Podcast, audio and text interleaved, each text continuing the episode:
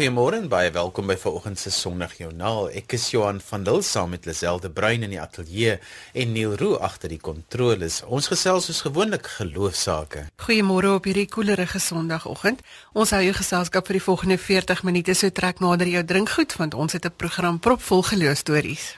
Ons gesels vanoggend met Dominee François Lambregt, die voorsitter van Jonk. Nou dit is die Vrystaatse Node se jeug- en kinderbediening en ons hoor wat was op die tafel by hulle onlangse jeugkongres.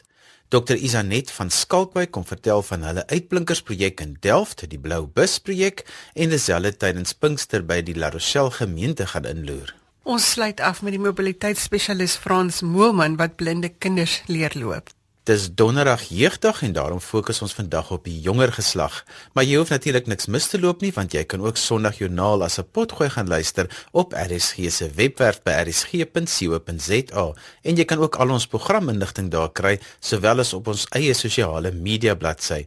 Onthou dat jy ons ook kan SMS by 45770 as jy wil saamgesels. Onthou elke SMS kos R1.50. Verlede week het Dolly vir ons geskryf na aanleiding van die Heilige Gees gesprek met professor Fani Snyman. Sy sê as klein dogtertjie was die drie eenheid aan ons verduidelik as 'n eier, die drie dele wat nie sonder mekaar kan funksioneer nie, die wit, die geel en die dop. Dankie Dolly vir jou SMS. Ons val vanoggend weg met 'n onderhoud daai uit die Vrystaat uit. Dominee François Lambreg van Jonk sluit vanoggend by ons aan. Goeiemôre Dominee Lambreg. Goeiemôre Lisel. Kom ons begin by Jonk. Wat is dit en hoe werk julle? Wel Jonk is Vrystaat se Node se jeugnetwerk. Dis 'n groep jeugleiers en predikante wat saamwerk strategiese jeugbediening en toerusting vir Vrystaatse gemeentes. Ons fokus is om gemeentes te help om hulle eie jong mense te bedien, veral in hulle eie gemeentes, om hulle daar te kan betrek by bediening ook. En, eh, en ons werk van drie waardes af. Eerste is dat ons jong mense help om geloofsidentiteit te ontwikkel. Die tweede is om hulle te help huis kry in hulle gemeente en om gemeentes te help om vir hulle huis te wees. En die derde is om hulle toe te rus vir bediening. En dis ons werk. Nou die jong mense by die jeugkongres het aangedui dat die kerk hulle nie eintlik help nie. Wat was julle gesprek daar rondom? Die jeugkongres was 15 en 16 Mei. Dit was die eerste een wat wat Jong Vrystaat gehou het. En uh, ons hoop ons gaan elke jaar van nou af een hou waar ons jong mense nooi om deel te kom wees van 'n gesprek uh, rondom kerk en God en sake wat vir hulle aktueel is waar ons hart is om uit te vind wat is die vrae wat ons moet vra. Um, ek sê altyd ons is ons is baie goed in die kerk om vrae te antwoord wat iemand vra nie. So ons wegspringplek is om te hoor maar wat is die vrae wat hulle vra? Wat is die goed waarmee hulle besig is?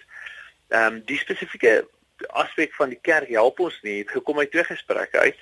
Die een is oor seksualiteit en die ander een is oor interkulturele uh, verhoudings en dialoog waar hulle gevoel het maar hierdie is groot goed in hulle lewens en die kerk hulle nie toe daarvoor nie. Die kerk het nie taal om met hulle ordentlik te praat oor seksualiteit nie. Wanneer ons doen, is dit baie negatief of met uh, metafore en beelde wat so ongemaklik en vreemd is en nie regtig praat oor hierdie is God se hart oor seksualiteit nie en en hierdie is goed wat in die Bybel baie oor gepraat word en hierdie is mooi goed en en dis asof die enigste taal wat die kerk het uh, skuldgevoel en negatiewe aspekte is En ehm um, hulle voel maar die kerk help ons nie om hierdie ding mooi te ontwikkel en gesond te ontwikkel nie. Uh die interkulturele dialoog is natuurlik iets wat ek meen dit is op hulle agenda en dit gaan meer en meer op hulle agenda wees in die toekoms. En die kerk het tot dusver nog nie 'n vreeslike groot rol gespeel om te sê hier maar hoe rus ons jong mense toe om 'n regtig sinvolle dialoog te kan kan voer in in daai arena nie. Hoe hoe rus ons hulle toe om om konflikte kan hanteer in daai arena nie. Dit klink vir my soos twee sake wat in die verlede taboe was. Dit is eintlik iets waaroor dan net nie gepraat is nie en dis kom die kerk half nie 'n taal ontwikkel het om te kan help met hierdie dinge nie. Ja, dit is al seksualiteit. Ehm uh, definitief maar 'n maar 'n maar 'n groot taboe label aan hom gehad vir 'n baie langer in die kerk, maar uh, wat hierdie spesifiek betref, dink ek het nogal baie te doen ook daarmee dat die kerk dalk net nie altyd raak gesien het dat dit is ons werk nie. Jy weet die skool doen 'n bietjie voorligting. Hulle is 'n ouer klas hulle self vir kinders vertel van seks en seksualiteit. Ehm um, weet ons hoef genadiglik tog nie nou uit te bly nie. Ehm um, en dis 'n absurde gedagte. Ehm um, skool is nie daar om vir kinders te leer oor die oor die basiese ontstaan redes vir hulle seksualiteit. Oor hoekom gee God vir ons hierdie pragtige gawe? Ehm um, en wat is dit en hoe gebruik ek dit en wat is 'n sonde aan en wat is nie? Maar ons is altyd die eerste om aan die veroordelende kant daarvan te wees as mense dit nie reg gebruik nie. Ehm um, so ons wil baie graag vir hulle sê, "Jesus, maar hierdie goed's alles verkeerd."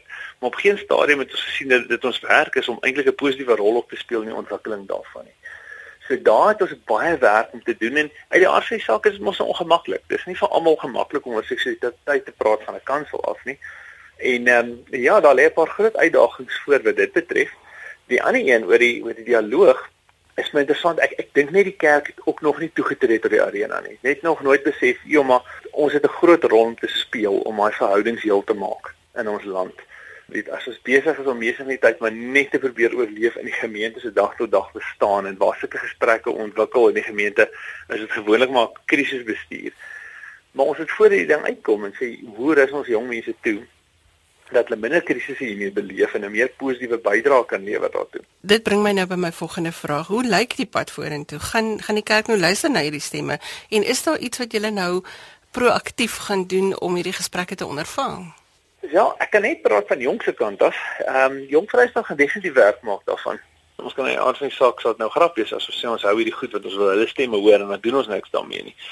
So dit is ons deel van die bediening om te beklei daarvoor dat ons iets daadwerklik staan doen.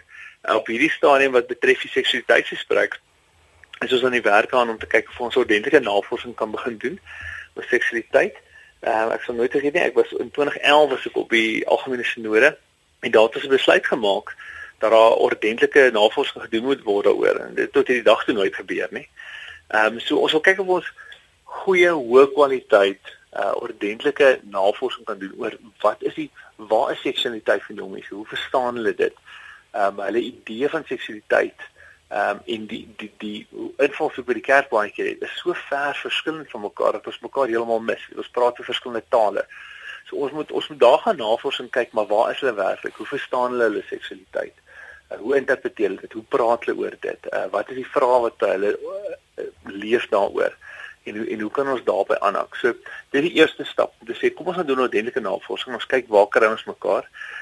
Dan die toerusting en die ontwikkeling van van materiaal wat jong mense regtig kan gesels met mekaar en dat hulle hoor hulle kerk gesels met hulle daaroor. En dan soos gesê die nuwe taal. Ons moet 'n nuwe taal ontwikkel en ons moet ter kante en gemeentes help om positief te kan gesels daaroor. Uh nie net die negatiewe van wat gaan verkeerd gaan nie. Ek is ek geskok as ek as ek regtig um nuwe boeke oor hierdie onderwerp lees, weet en hoor hoe die kerk um met jong mense praat, met tieners dan ook praat oor seksualiteit en en om te sien die meeste van wat hulle oor praat, is die siektes wat jy kan kry en al die verkeerde goed wat jy kan oor oorkom.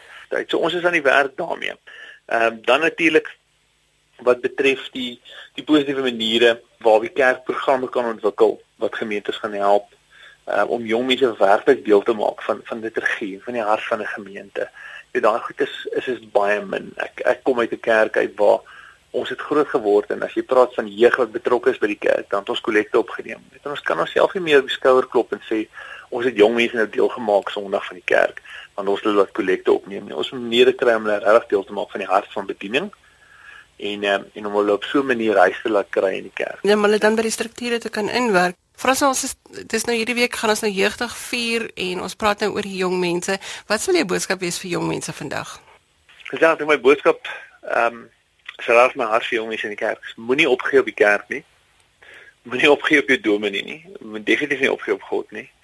Ehm um, ons ons soek nog na mekaar. Ons gaan mekaar kry. Maar die feit van die saak is dat die kerk waarin jy is is iets waarvan jy deel is. Dis jou huisgesin. En ehm um, en daar's definitief plek daarin vir jou. Moenie opgee daarin nie. Daar's meer antwoorde daar as wat gewoonlik dink. Daar's meer mense daarin wat omgee vir jou as jy dink.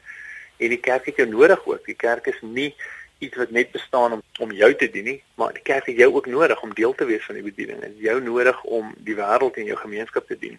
En eintlik wil ek die vraag nou omdraai en ook sê, wat is jou boodskap vir die mense wat werk met hierdie jong mense wat elke dag met hulle interaksie het? Ja, hierdie is seker vrye in my bediening.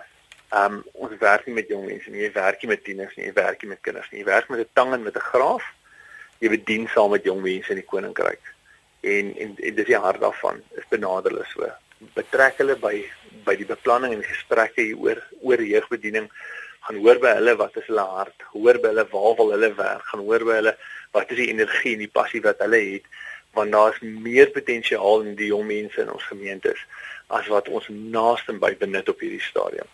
Ehm um, gaan gebruik daai energie, maak hulle betrokke daarbey, maak hulle deel van die prosesse en en nie 'n teikenmark wat jy net moet bedien nie, maar 'n groep mense wat werklik vir jou gegee is om saam met jou te kan bedien in God se koninkryk. Die vreugde wat wat daaruit vloei is fenomenaal. Dankie Dominee Lamrek, dankie vir die samegesels vanoggend.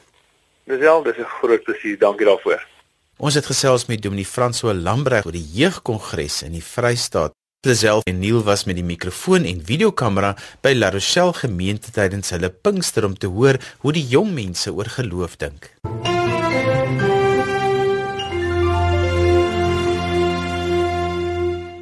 Marike, hoekom is jy nie vir jou boeke nie? Wat beteken dit vir jou om hier te wees? Ons het skoolwerk en goed, maar Pinkster is my baie lekker want dit is een week in 'n jaar wat jy met die Here kan tyd spandeer en ek dink om 'n week uit te sit vir dit is nie te veel gevra nie. En dis 'n amazing ervaring. Wat se rol speel geloof in jou lewe? Geloof speel 'n baie baie groot rol.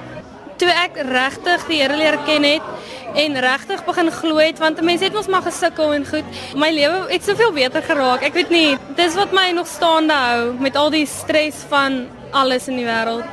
Dink jy geloof bou bru tussen gemeenskappe, tussen jou en jou vriende, hoe werk dit? Ja nee, definitief. Ek weet nie jy connect beter met mense met geloof en um, ek was laas jaar op 'n uitreik gewees en dit was amazing geweest en dit ek sou nie daai kans gekry het om so met die mense daar te connect as dit nie vir my geloof en vir die Here was nie. Gesels met Mikaela en Marissa. Mikaela, kom ek begin by jou. Wat beteken geloof vir jou in jou lewe? Wel, dit is om jouself te vind en te vind of jy nou reg wil met die Here connect en sodra jy met hom connect, sal jy jou vertrou in hê en en wat is jou storie? Connect jy met die Here? Ja, ek connect met hom, maar ek sal baie graag wil beter connect met hom. Dis hoekom ek nou kom sodat ek nou 'n beter verhouding met die Here kan maak, skep. Maar ons probeer om elke dag te kom. By, ons woon elke Sondag ook by, ja. En hoe lyk geloof in julle vriendekring? Ek sal sê ja, ons ons almal glo in die Here en alles en ons sê dat ons beklei en dan sê oor is maar ons glo nie aan die Here. Ons almal in die vriendekring glo in hom en ons weet wat reg en verkeerd is. Marisa, wat beteken geloof in jou lewe? Dit is die grondbasis waarop my hele lewe gebaseer is omdat ek uit 'n Christenhuis uitkom. En sou jy sê dis belangrik dat jy in 'n vriendekring beweeg wat dieselfde geloofs-oortuigings het as jy? Ek sal nie sê dit is nooit belangrik nie, aangesien almal hulle eie uitkyk oor die lewe het. Maar soos in die meerderheid as almal kon Christelik wees en oor dit kon praat en almal oor die weg kon kom, dan sou dit ook baie beter gewees het. Dit is die eerste keer in 'n baie lang tyd wat ek kerk toe kom omdat ek nie hou van alleen wees by 'n plek so nie en sy het nie gehou van alleen wees nie en toe ons ons is beste vriende by die skool het ons besluit maar ons gaan saamkom omdat ons saam in die omgewing om die kerk is. Armand, wat beteken geloof vir jou in jou lewe? Uh, dit beteken nogals baie vir my. Dit bring familie en vriende bymekaar en 'n mens kan nêrens gaan sonder geloof hê. Dit hou mense altyd bymekaar en dit hou jou net baie sterk en soos laat jou altyd vorentoe kyk. Hoekom sou jy vanaand gekies het as jy nou eintlik vir die huiswerkboeke moes gewees het om vanaand by 'n geleentheid soos hierdie te wees? Um ek glo daar's altyd tyd om plek te maak vir God en dat 'n mens altyd kan soos plek maak vir hom en ek glo as jy plek maak vir hom dan gaan daar altyd tyd wees vir ander soos ander dinge. So ja. Jean-André, wat beteken dit vir jou om hier te wees by 'n geleentheid soos vanaand? Dit is net vir my soos om my geloof te verbeter en om meer van die Here te leer en of daai blok in my Christelike lewe uit die pad uit te kry. So ja. Hoe belangrik is dit vir jou om 'n verhouding met die Here te hê? Baie belangrik want hy beteken eintlik baie vir my want niks sou moontlik wees sonder hom nie. So ja. Dink jy dis belangrik dat 'n mens se maats rondom jou ook gelowig moet wees? Ja, want hulle het nogal 'n groot invloed op jou en jou leefstyl. So ja. Abigail, wat beteken dit vir jou om by 'n geleentheid soos hierdie te wees? Ehm um, dit gee net my 'n uh, geleentheid om met ander Christene te interact en ehm um, nuwe mense te ontmoet wat ook in die dinge glo wat ek glo. En is dit vir jou belangrik dat jou maats dieselfde geloof met hê as jy? Ja, definitief, want uh, ons groei saam in die Here en ons kan praat oor dinge van die Here en dis regtig belangrik vir my. Dink jy geloof is belangrik dat 'n mens interkulturele verhoudinge tussen mekaar kan bou? Ja, definitief. Geloof is ongelooflik belangrik want dit leer vir jou ook dat iemand anders nie noodwendig dieselfde is soos jy gaan wees nie, maar hulle gaan dalk iets waarin jy ook glo glo en dit dit is baie belangrik in ons samelewing op die oomblik. Ja. You know, voel jy oor groepsdruk? Is jou maats almal gelowiges? Ooh, groepsdruk. Dus ek glo erg daarin dat jy moet doen wat jy wil en ook eerstens dat wat die Here wil vir jou lewe is. Jy moet eers dink hoe dit wat jy gaan doen, wat jou vriende jou dalk forceer om te doen, hoe dit jou relationship met die gaan impak. Want dit is die eerste ding wat jy moet aandink. Dit moenie net wees soos van, oh, okay, dit lyk cool. Ek dit dit soos mense kyk na 'n leefstyl wees soos, "Ah, oh, dit lyk fun." En dan sê jy "Maar dit is eintlik so leeg." Wanneer jy by daai besefpunt kom, dan is dit soos die beste oomblik oor. Ooit. En hoe belangrik is jou verhouding met die Here vir jou? Uh dis die eerste ding. dis letterlik van ek moet elke oomblik van die dag, elke aspek van my lewe moet um die Here se naam aanhou. Ek kan nie anders nie. Anders sal ek raak net las as ek nie fokus op die Here en dan is alles net so sleg. So ja. Anje, help vir my om te verstaan wat beteken dit vir jou om by so 'n Pinkster geleentheid te wees? Um, wel Pinkster vir my in elke jaar is my soos baie heilige tyd. Net ek weet nie die gevoel van Pinkster oor die algemeen is dit vir my dis net vir my baie meer heilig en ehm um, dis my amazing om na klomp plekke toe te gaan en ehm um, te ervaar wat verskillende mense doen tydens die tyd van die jaar. So dis vir my baie nice. Ja. Julle twee is vriende. Nou, hoe belangrik is dit vir julle om al twee aan dieselfde geloof te behoort? Wel ons albei saam by soos Reach ons kerk soos se dingie wat ons woensdae aand elke aand bymekaar kom. So ons is dit baie belangrik dat ons almal soos dieselfde geloof is en dan ons almal se geloof net sterker word by Reach en ja. Dink julle geloof maak 'n vriendskap sterker? Ja, definitief. Ek voel as ek 'n my 'n cool experience gehad het, dan sal ek sal vir my cool wees om vir Madeleine te gaan vertel en daar kan haar uh, geloof sterker raak deur my experience. Dit is net lekker om met mense te deel wat jy vir lief is en lief is vir jou om ehm um, vir te kan deel wat vir jou baie soos amazing was dat ek so stel. Ja. Ek was 'n leier op Imagine gewees. Vertel vir ons 'n bietjie van daai ervaring. Hoe was dit vir jou? Ehm um, wel dit was my eerste Imagine gewees en ek was soos een van die jongstes daar so Um, maar om te sien hoe my groepie het soos geestelik groter geword het, was dit vir my soos regtig amazing geweest. Want van hulle het daar begin en nie eintlik geweet waar hulle staan met die Here nie. En toe aan die einde van die kamp, jy weet hulle net soos okay, maar ek behoort hierso en die Here is my God. Soos dit was amazing geweest. Bambelela, bambelela, bambelela. Riet, ons het om met jou gesels oor die Imagine geleenthede wat reg oor die land plaasgevind het. Hierdie voel vir my so 'n bietjie van 'n extension as ek Engelse woord kan gebruik van daai geleenthede. Het julle dit so beplan? Ons het ja, ons um, gebruik altyd die beeld van 'n golf uh wat die naweek is, um die Imagine naweek en dan as dit so spoel oor die strand, is dit alles wat gebeur in 'n jaar en dit is baie plaaslik. Dis kleiner uh gemeentes neem self inisiatief, skole neem self inisiatief. Um en dis net waar die Imagine beweging se waardes verder uitgeleef word waar kinders kan groei, tieners mekaar ondersteun geloof en waar net 'n lekker tyd saam kan hê.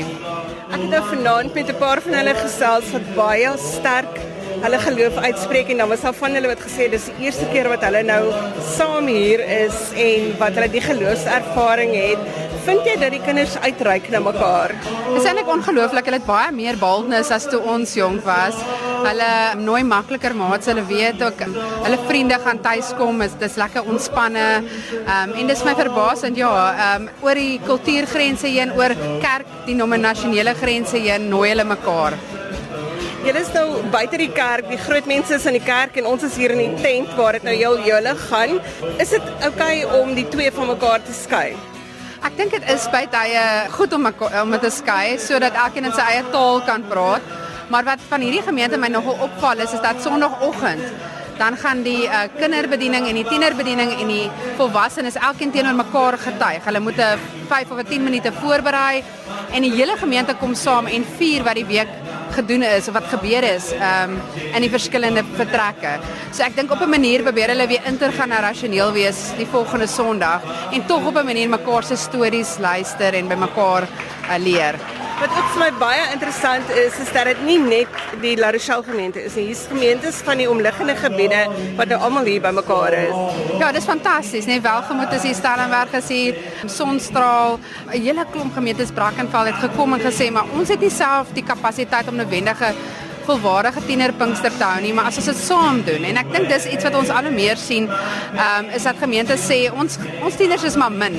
Maar as ons dit saam doen, kan ons dit in Imagine se naam hou en dit maak mense welkom. Dis nie 'n 'n gemeente gekoppelde ehm um, geleentheid nie, maar 'n Imagine geleentheid wat maak dat ons gemakliker na mekaar se dinge kan bywoon. Dink jy die kerk is besig om 'n taal te ontwikkel wat hierdie jong mense omvou? Dink omdat ons op 'n manier weet ons gaan hulle verloor as ons nie iets doen nie, is daar baie meer vryheid in jeugbediening. Daar's baie meer openheid dat die jeug hulle self uitdruk uh, soos wat hulle graag wil. Ehm um, so ek dink ja, daar definitief 'n taal wat hulle pas in 'n taal ook wat praat van 'n verskil maak. 'n Baie sterk taal van uitreik, verskil maak, 'n geloof leef. En dis hulle taal. My shame is taking away my pain. name of.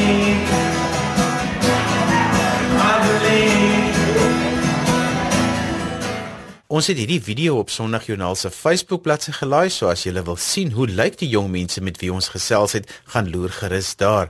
Ons gesels geloofsaake tot en met die 8 uur nuus wanneer ons oorgie aan Jermaine Hansen, maar eers gesels ons met Dr. Isanet van Skalkwyk van die Noordwes Universiteit. Isanet van Skalkwyk is van die Sentrum vir Kinder- en Jeugbediening en Familiestudies en sy is 'n student in positiewe sielkunde. Goeiemôre Isanet. Goeiedag Lisel. Ons gaan 'n uh, bietjie later gesels met twee van jou studente, maar eers wil ek weet jy werk in Delft met hierdie jong mense. Vertel ons daarvan. Ja, wat 'n voorreg, nê, nee, hierdie pragtige kinders en die belangrike rede hier is is dat elke kind en daar is miljoene van hulle in Delft. Eh, dit klink miskien erg, maar ek sien net dink daar's um, 28 skole en elke skool is 1000 plus, afgesien van die uh, kleintjies.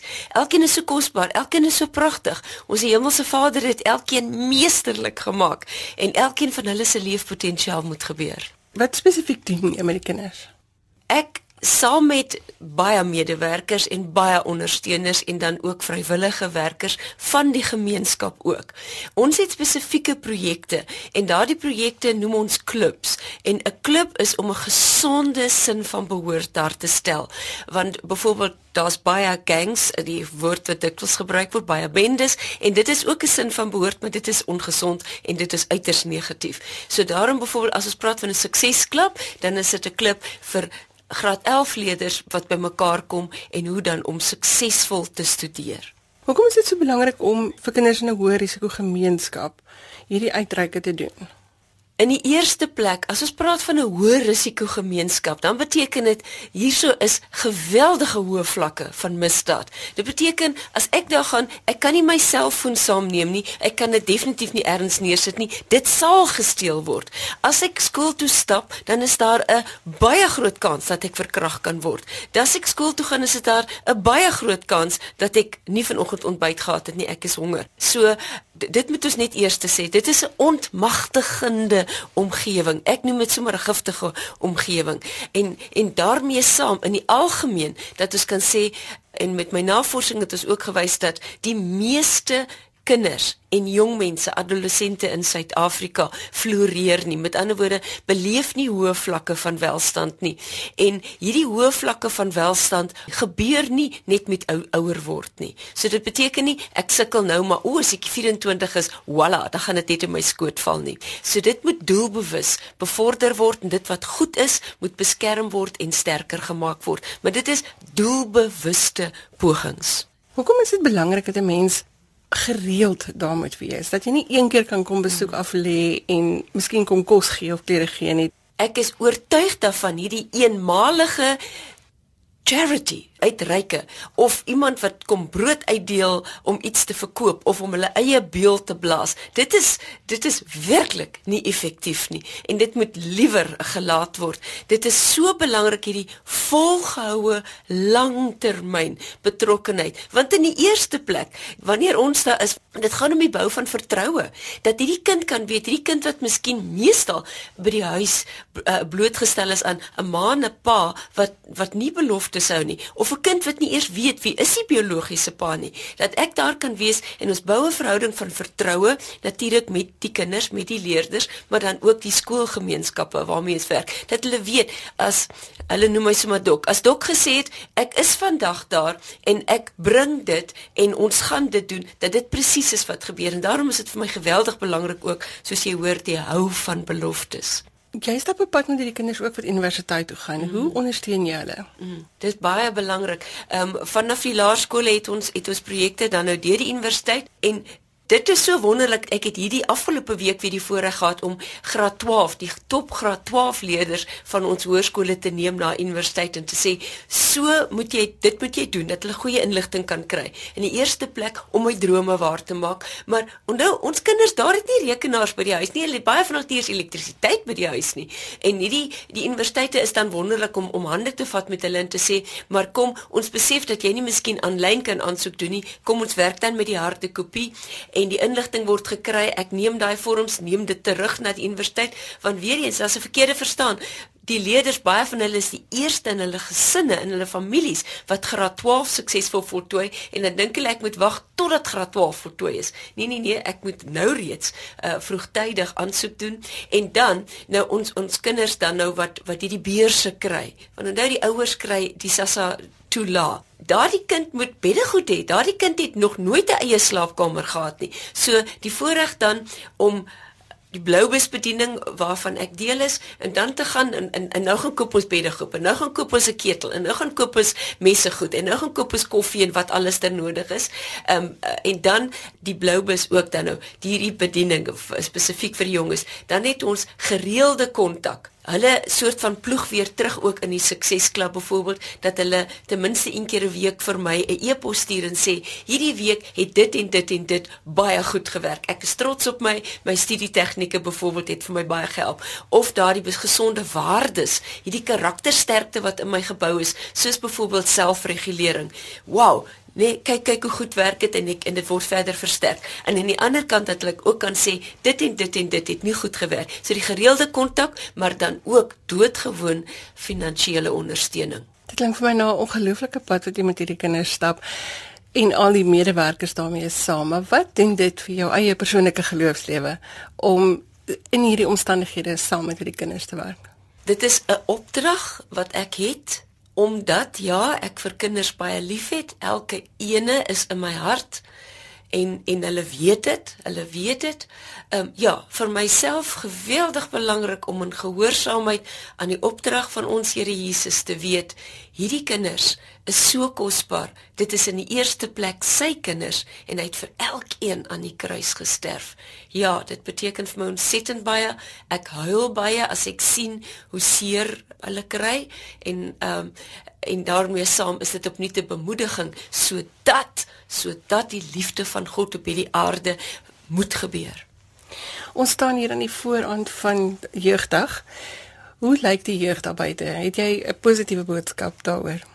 Die mees positiewe boodskap is dat elke kind is meesterlik gemaak deur die Hemelse Vader en dis die bril waarmee ek na elke kind kyk. En dit is hoekom dit vir my so wonderlik is, die jonges in die klips en die projekte ook, dat elke keer hulle weet, dis die manier wat ons ook mekaar groet. Goeiedag, wonderlike leerder. Goeiedag, pragtige kind. Goeiedag, liefdevolle jong mens. Jy is so so kosbaar en jou leefpotensiaal, daardie leefdoel waartoe jy gemaak is, moet gebeur. Is dan net ek dink ons moet later 'n bietjie praat oor hierdie positiewe sielkunde wat jy doseer want ek dink daar's meer mense wat daarbey kan baat vind. Maar baie dankie dat jy vanoggend so 'n stukkie van jou lewe wêreld met ons gedeel het. Baie dankie, dis my voorreg. En so gesels dokter Isanet van Skalkwyk oor hulle werk in Delft. Ons gaan volgende week met 'n paar jong mense gesels wat vanuit Blikkiesdorp tot op universiteit gevorder het. En om ons program vandag af te sluit, gesels ons met Frans Moelman. Dr Frans Moelman is 'n mobiliteitsspesialis van Somerset Wes en hy sluit vanoggend by ons aan om oor sy werk en geloofspad te vertel. Goeiemôre Dr Moelman. Goeiemôre. Ons gesels vanoggend oor jong mense met die oog op jeugdag en jy het 'n interessante werk waar jy blinde kinders leer loop in die openbaar. Vertel vir ons daarvan. Zelfs die vakgebied wat ek doen is mobiliteit en oriëntering en dit behels basies dat ons blinde kinders leer om onafhanklik te beweeg, maar dan ook heeltyd te weet waar hulle is en dit noem ons die oriënteringsgedeelte. So dis mobiliteit en oriëntering. En ek werk primêr met die jong blinde kinders, bedoelend dat dit kinders is enigiets van die ouderdom van 4 jaar tot ongeveer 10, 11 jaar. Hoe word 'n mens 'n mobiliteitsspesialis? Ek het my opleiding in Engeland gedoen baie jare gelede en 'n mens kan in Amerika dit doen as deel van 'n meestersgraad en dan kan jy dit in Suid-Afrika doen ongelukkig net tot op 'n diploma graad. Dit is eintlik hartjie dat dat mense dit nie in Suid-Afrika ook as 'n meestersgraad kan doen nie. Maar dit is nou maar soos dit is in Suid-Afrika. Maar jy het ook 'n studie gedoen oor sintuie. Ja, ek het baie jare gelede die kans gehad om Antarktika toe te gaan en ek het besef die kinders by ons skool byvoorbeeld leef net tussen die koshuis en hulle klaskamer. En dan dis alwaar hulle blootgestel word, sintuiglik blootgestel word. En toe die kans nou kom toe is ek na die Duitse basis toe, die Neuermal basis in Antarktika. Ek het 'n studie gaan doen oor die sintuiglike mens kan byna sê verval wat die span daar ondervind want hulle bly vir 14 maande onder die sneeu in hulle basis. En mense dink dat na so 'n lang periode as die visuele beelde wat hulle elke dag sien en sien en sien vir hulle verveel geraak dat hulle miskien meer sal aandag gee aan gehoor en reuk en daai tipe van goed. En ek het toe bevind na die studie dat as die visuele beeld verveel geraak dan sal die ander sintuie nie noodwendig skerp raak nie. So mens moet dit doelbewus oefen en blootstelling gee daaraan want dit kan baie maklik 'n vervelige beeld raak. As jy elke dag dieselfde ding ryk, elke dag dieselfde ding sien, moet jy nie noodwendig dink jy gaan later en beter hoor of beter voel of wat ook al nie. So dit klink vir my of daar 'n geloofsles in geburger is in daardie stelling.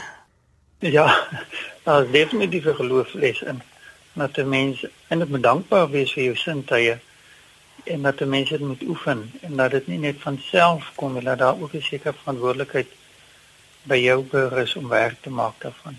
So hoe gaan jy te werk met die kinders? Ja, omdat ek net met die kleintjies werk, kry ek 'n kind wat blind is. Ek gaan haal hom in die klas en dan begin ek met sy opleiding. Ek neem die kinders uit na Tuigervallei toe, dis 'n groot winkelsentrum naby die skool. En dan die eerste lesse gaan basies daaroor dat die kind vir jou moet vertrou. Die kind moet glo in jou en jy stap of ek stap dan voor die kind agteruit en ek sal hom roep en ek sal die witkierie vat en ek sal hom tik. En hy stap na die witkierie toe. Hy stap na die geluide toe wat hy hoor van die witkierie. So die heel eerste proses is 'n proses waar daar 'n vertrouensverhouding opgebou word met jou en die kind. En dan moet die kind klank kan lokaliseer in hierdie ruimte en dan moet hy die klank toe stap. En dan leer ons hom ook wat die afstand is waartoe hy moet stap. En ons leer hom konsentrasie, ons leer hom bewegingsvertroue, selfvertroue en al hierdie komponente word ingebou in hierdie lesse. So ek stap agteruit, kyk na die kind tik vir hom en bytelmal as hulle in meeste van die gevalle nou as hulle dit nie begin, as hulle baie onseker, so jy stap baie naby die kind en jy tik redelik baie vir hom. En soos hulle selfvertroue vermeerder, dan begin 'n mens verder wegstap van hulle af en gee vir hulle kans om meer addisionele inligting in te neem. Dokter Moelman, hoe vleg jy al hierdie dinge in jou geloofslewe in? Dit voel vir my so asof selfs daarin 'n geloofsles is dat 'n mens agter 'n klank aanloop en dit voel asof mens soort van agter die Here aanstap. Hy wys vir jou waar jy moet loop, maar jou eie geloofspad, wat is die pad wat jy stap? Snaaks genoeg, dit is uh, heeltemal 'n geloofspad wat ek moet stap want ek wou nooit in hierdie werk beland het nie. Ek het nooit bedink nie, ek het nie geweet van die werk want ek wou aanvanklik 'n vlienier geword het. En dit ek nie by die skool beland, maar omdat ek self 'n oogprobleem op daai stadium gehad het, was vlieg net nie vir my 'n opsie nie. En snaaks genoeg, ek is as 'n kind het ek was ek in 'n ongeluk geweest of 'n ongeluk gehad. En vandat ek toe nou by die skool is, kon ek baie maklik identifiseer met die kinders soos hulle deur die prosesse gaan gaan swak sien wees en eventueel miskien hulle visie verloor en so aan. So, want ek het eventueel self my visie in my een oog verloor. En dan kan 'n mens baie maklik met die kinders identifiseer en die probleme wat hulle ervaar soos hulle deur die prosesse gaan. So dit is 'n geloofstaak en maar ook baie dankbaar op 'n manier dat ek met die kinders kan assosieer. Jy gaan nou klaar maak by die onderwysdepartement hierdie jaar. As daar nou gemeentes of gelowiges is wat sou dink hulle wil iemand so help, sou hulle jou dienste kon inkoop? Hulle sou definitief kon inkoop. Op. Die twee van die kinders met wie ek werk, klein Kia en klein en klein Jordan, is op hierdie stadium in hulle opleiding wat hulle voorlik vir die vaardighede is. En om nou vir die kinders na Julie maand te sê, kyk, Hulle gaan nie meer mobiliteit lesse kry nie, is eintlik vir my verskriklik swaar. So ons soek eintlik ondersteuning waar mense sê luister, ek is bereid om te help vir 'n kind om om 4 of 5 lesse te koop dat die opleiding miskien vir die kinders kan aangaan. Want ek het nou die dag weer 'n geval gehad van klein maak wat my kantoor ingestap kom en sê ek moet hom asseblief woensdag kom haal. Dis 'n mobiliteit les en ek moet nie vergeet nie. Nou klein maak dit in die laaste maand het al sy visie verloor. Aanspranklik het ek ook probleme gehad en stelselmatig minder en minder geword. En toe ewe skielik nou al die visie verloor. Vir daai kinders is dit ongelooflik belangrik om te kan uitgaan buitewêreld ervaar. Want vir sommige van hulle is dit die enigste buitewêreld kontak wat hulle het. Ja. Baie van hulle word met bussies ingery van die skool af en dan kom hulle nou uit 'n plakkerskamp uit en hulle leefwêreld is eintlik maar die van 'n plakkers het baie van hulle sit daar en dan kom hulle skool toe. En jy weet die skool is dan eintlik die enigste wêreld waarna hulle blootgestel word. Maar as ons hulle nou uitneem ter vallei toe en self dink in so 'n winkelsentrum die mag om sensoriese ervarings wat daar is maar dit is 'n is 'n wêreld wat hulle bykans nie ken nie en waarna ons hulle dan kan blootstel Dokter Frans baie dankie dat jy vir ons hierdie inligting gedeel het en so 'n bietjie van jou leefwêreld vertel het. Baie dankie vir die uitnodiging en dankie vir die gesels. Nou ja, daar skuil 'n les daarin. Wees dankbaar vir jou sintuie, maar wees ook dankbaar vir die feit dat jy vir iemand sy oog of sy lig op die pad kan wees. Frans Moelman was in gesprek met Lisel. Ons is aan die einde van vandag se program. Ek groet tot later vandag wanneer ek weer agter Ek groet tot later vandag wanneer ek weer agter die mikrofoon inskuif vir ons in die onderwys. Net hierna is Jermaine M Hansen aan die woord met die Bybelstorie en dan volg die 8 uur nuus van my Johan van Dil. Tot volgende week. Totsiens. Jy kan vir my e-pos met kommentaar of as jy 'n geloostorie met ons wil deel, my e-posadres is lazel@wwmedia.co.za. Of jy kan vir 'n boodskap stuur deur die webwerf by rsg.co.za. Tot volgende week groet ek namens produksieregisseur Neil Roo. Onthou, maak 'n verskil in iemand se lewe ryk uit en maak iemand se dag makliker. Totsiens.